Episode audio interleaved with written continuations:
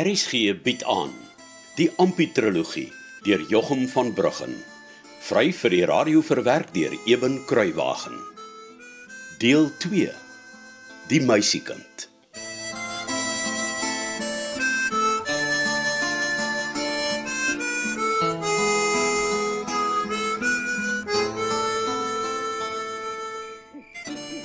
Ja, Ampie.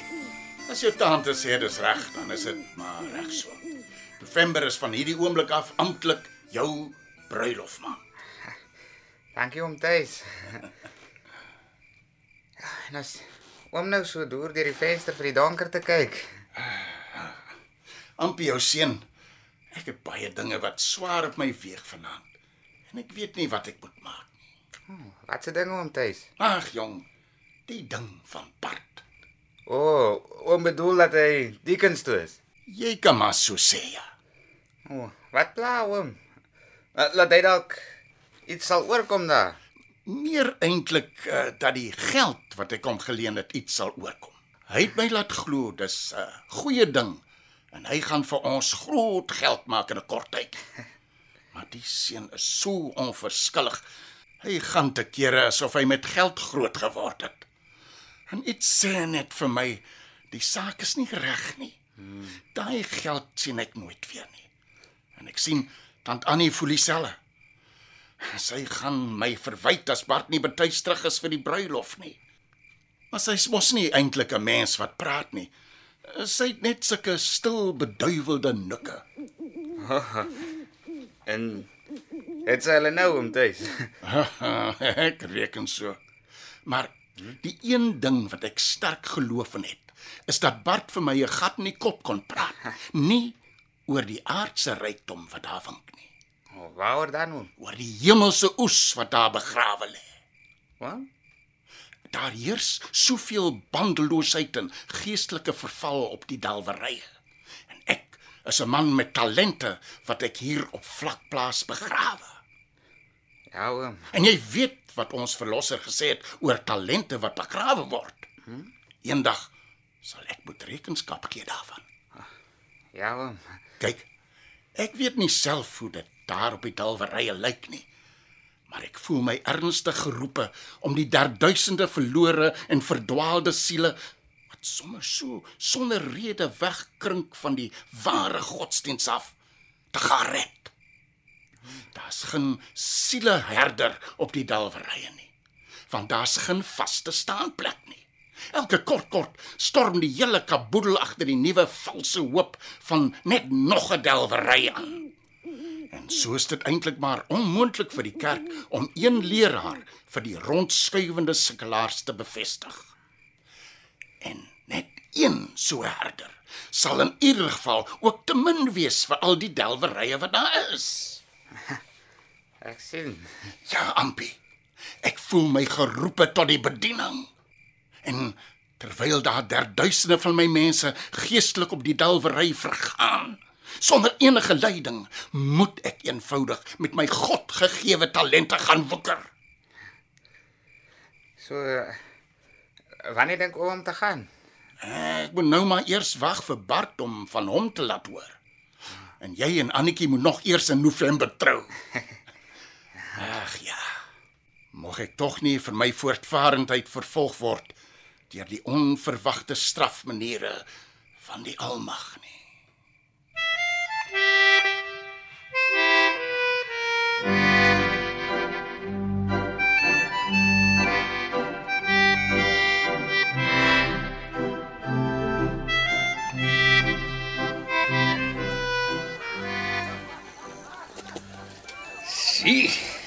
En nou is jy 'n getroude man, hè? Ampie. Ja, die ou Elias. Aangeneem 21 en getroud.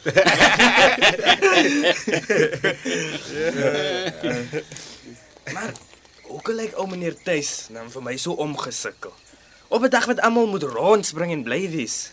Ek dink jy ken die storie Amos. En wat 'n storie is dit nou? Van Bart wat die geld vir die bruilof geleen het vir 'n staart op die diekens. Jy moes gehoor het. Hm, Jy vergeet ou meneer Herman het vir my en 'n paar ander kerels met 'n klomp skaap wat Fontein se kant toe gestuur om beter veld te gaan soek. O oh, ja. en uh Toe kom daar seker nie betyds terug nie. Ja, net so. Ja, dis die laat nie eintlik 'n groot ding was nie. Als wat tant Annie, ag, Anna, ma Annie en Annetjie wou gehad het moes maar agterbly. Maar was die geld nie. Mm, ek kan dink mevrou Annie was ek 'n slegte vieste in verbaat. Ja. Sy en Annetjie.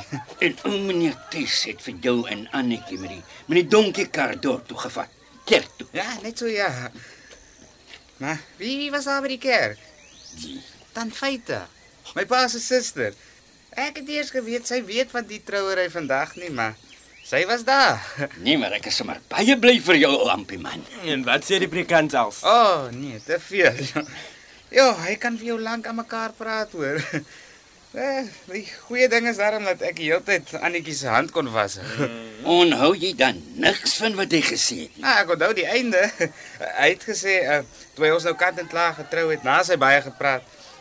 Ampie, jy het 'n slag geslaan toe jy vir Annetjie gevat het. en ek het dit ook geweet. Maar het hy nie iets vir Annetjie ook gesê nie? o ja, ja, hy het gesê, ehm um, daar's net een Ampie in ons gemeente, Annetjie, en jy het hom gewen. Was so mooi op. ja, nee, net so het hy gesê. En uh, en ou ou meneer David en jou ma goed en almal wat gekom het, was jy bly hulle het gekom. Ja. En Annetjie noem hulle vader en moeder. Sy en my ma het albei gehuil toe my ma ons geluk wens. Want aan ma Annie. Ja, ma Annie het ook uh, baie gehuil, maar net saggies sodat niemand kan sien sy huil nie, maar maar ek het gesien. Ja, Ek dink as oor Bart weg is met die bruilof se geld en hom tuis. Ai man, ek bedoel paartjies. Ehm um, ja, hy het vir my gesê, maar Annie is nie een vir praat nie. Sy het net sulke stil beduiwelde nikke. so het hy een aan daar voor die S in die huis gesê. Ah, ek dink uh, dit was altyd oor haar die einste stil beduiwelde nikke. dat Sy niks gesê het nie, maar net so siekies gehuil het. Oei. Ja, tog, né? Jong, maar my hart is baie bly dat jy gekom het om my geluk te sê. Nee, nee, ons moes daarom. Ons moes. Ek sê regtig dankie vir julle. Met my hele hart. Ons het mos akkoord gegaan. Deur die tyd toe jy nog net in jou kop na Annetjie gevry het. Ja. Dat ek nou hier sal wees die dag as jy die knoop deurraak. Ek het nie toe geglo die dag sal ooit kom nie, maar kyk nou net. Ja, ja en uh, en nou gaan julle uh, aangenaam toe vanaand. O ja. Oom Casper het gesê hy en tant Grieta vat ons aan se stryk huis toe. Ons gaan mos nou in hom Flippelis huis bly. Ek moet hoeka gaan hoor of hom Casper nie al begin plan maak het om in die pad te val nie.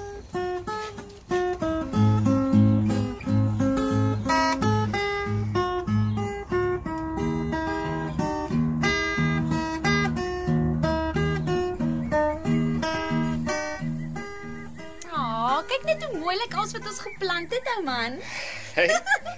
ek kan so daarvan om dit te sê, weet jy. Mwah.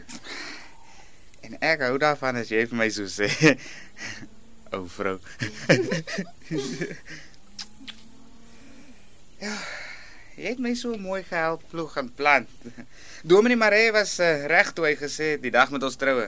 Ampie, jy het 'n slag geslaan toe jy vir Annetjie gevat het.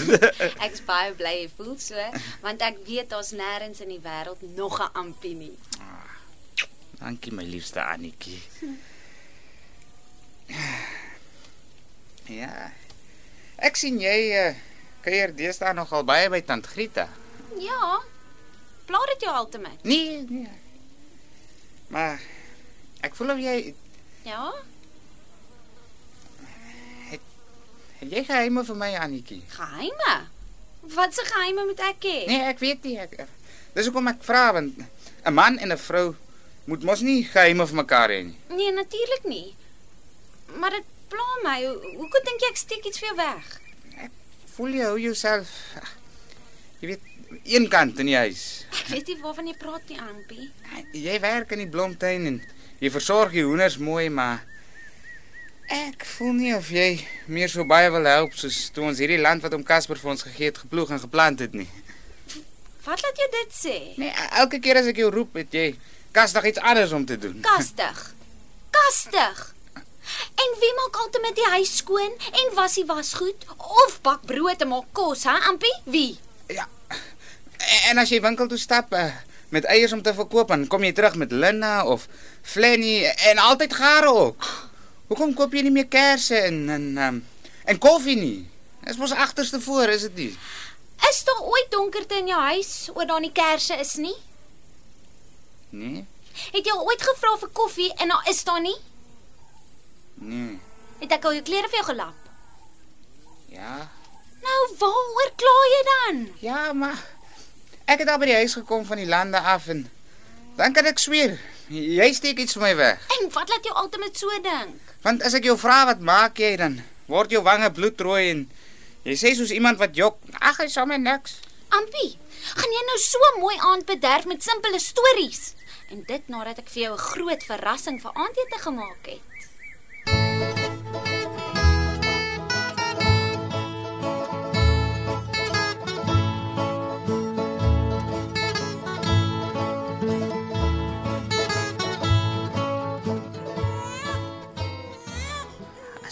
Here.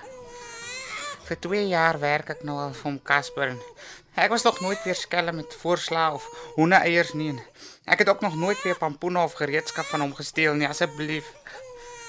Laat my liefste Annetjie en ons kindjie nog net albei gesond wees. Asseblief tog, Here. Ampie? Tant Greta, lewe my Annetjie nog. Natuurlik ja. 'n Baie geluk jong. Jy is die pa van 'n pragtige, eislike groot seun. Kom kyk.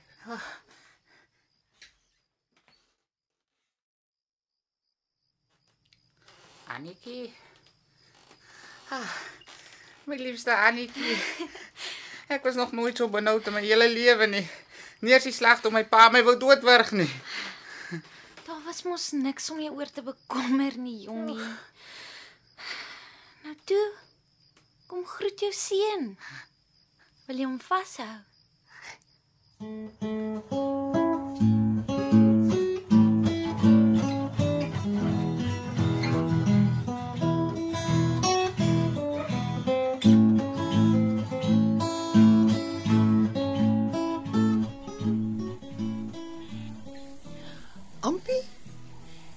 Hoor jy en Annetjie het 'n probleem om saam te stem oor 'n naam vir die baba. Ja, Tannie. Ek kan nie my seun David noem agter my pa aan nie. Maar dis mos wat ons doen. Ons vernoem ons kinders na ons ouers. Dis wat ek ook vir hom sê, tant Grieta, maar Ampie wil niks weet nie. Maar Tannie, ek, ek dink nooit aan my pa nie. Ek wil nie aan hom dink nie. Maar elke keer as ek by die kampie verbyloop, verlang ek na my heel beste maat, ou Jakob. Ai, wat sê jy eintlik, Ampie? Ek wil my seun Jakob noem, nie David nie. Maar Jakob is mos nie 'n familienaam nie. Ek het geen familie met die naam David nie. Verstaan jy dan nie, Annetjie?